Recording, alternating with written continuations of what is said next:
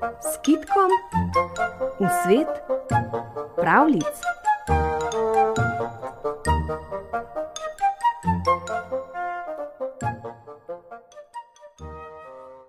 Živel je grof, ki je bil tako skop, da si je na hlače na mesto knofa dal kar majhno leseno palčko. In je zmeraj iskal hlapca ta grof, ker je bil tako skop, da nihče ni mogel dolgo zdržati pri njem. Blizu gradu pa je živel siromak, ki je imel tri sinove. Bili so zelo revni, vsega jim je zmanjkalo, kruha, denarja, moke, tako da je oče nekega dne rekel: Veste kaj, pojdite grofu in ga prosite za delo, nekaj že prislužite, da nam bo lažje. In se je prvi sin odpravil in je šel. Pride v grad, prosi za službo. Dobro, je rekel grof, lahko te vzamem, ampak pri meni je tako, če boš jezen, ti ne plačam nič, če pa bom jezen jaz, potem te pa že plačam in bo dobro zate.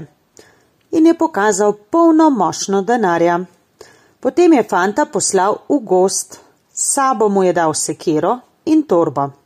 Notri, je rekel, je vsega dovolj, kruha, sira, vsega zadosti. In fant je šel in ves dan pripravljal drva. Ko pa je sedel, da se malo okrepča, je zagledal, da je torba zaklenjena. Ničesar ni mogel dobiti iz nje, lačen je bil žejen, torba pa zaklenjena. Kako? ga je zvečer vprašal v grof. Si kaj jezen? No, jezen, lačen, vse, je rekel fant in ga je grof nagnal, plačal pa nič. Potem je šel služiti srednji sin. Pride grofu, vse sta se zmenila, kaj če bo jezen in če ne bo. In je šel srednji krave past. Tudi on je dobil tisto torbo, ki je ni mogel odpreti. Sonce je pripekalo, žejen, lačen, torba pa zaklenjena. Si kaj jezen? Ga je zvečer vprašal grof. Če sem jezen, o, seveda sem, ko pa sem jezen, vi se delate norca iz mene. In ga je grof nagnal in spet nič plačal.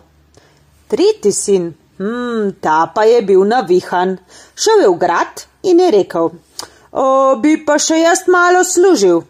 In grof ga je poslal prašiče past. Fant gre, odžene prašiče, pa najde senco in lepo sede ter počiva. Gleda torbo, vidi, da je zaklenjena, pa jo kar razbije. Vsega si vzame, se dobro naje, potem pa sliši, da gredo mimo neki trgovci. Prašičke kupujejo.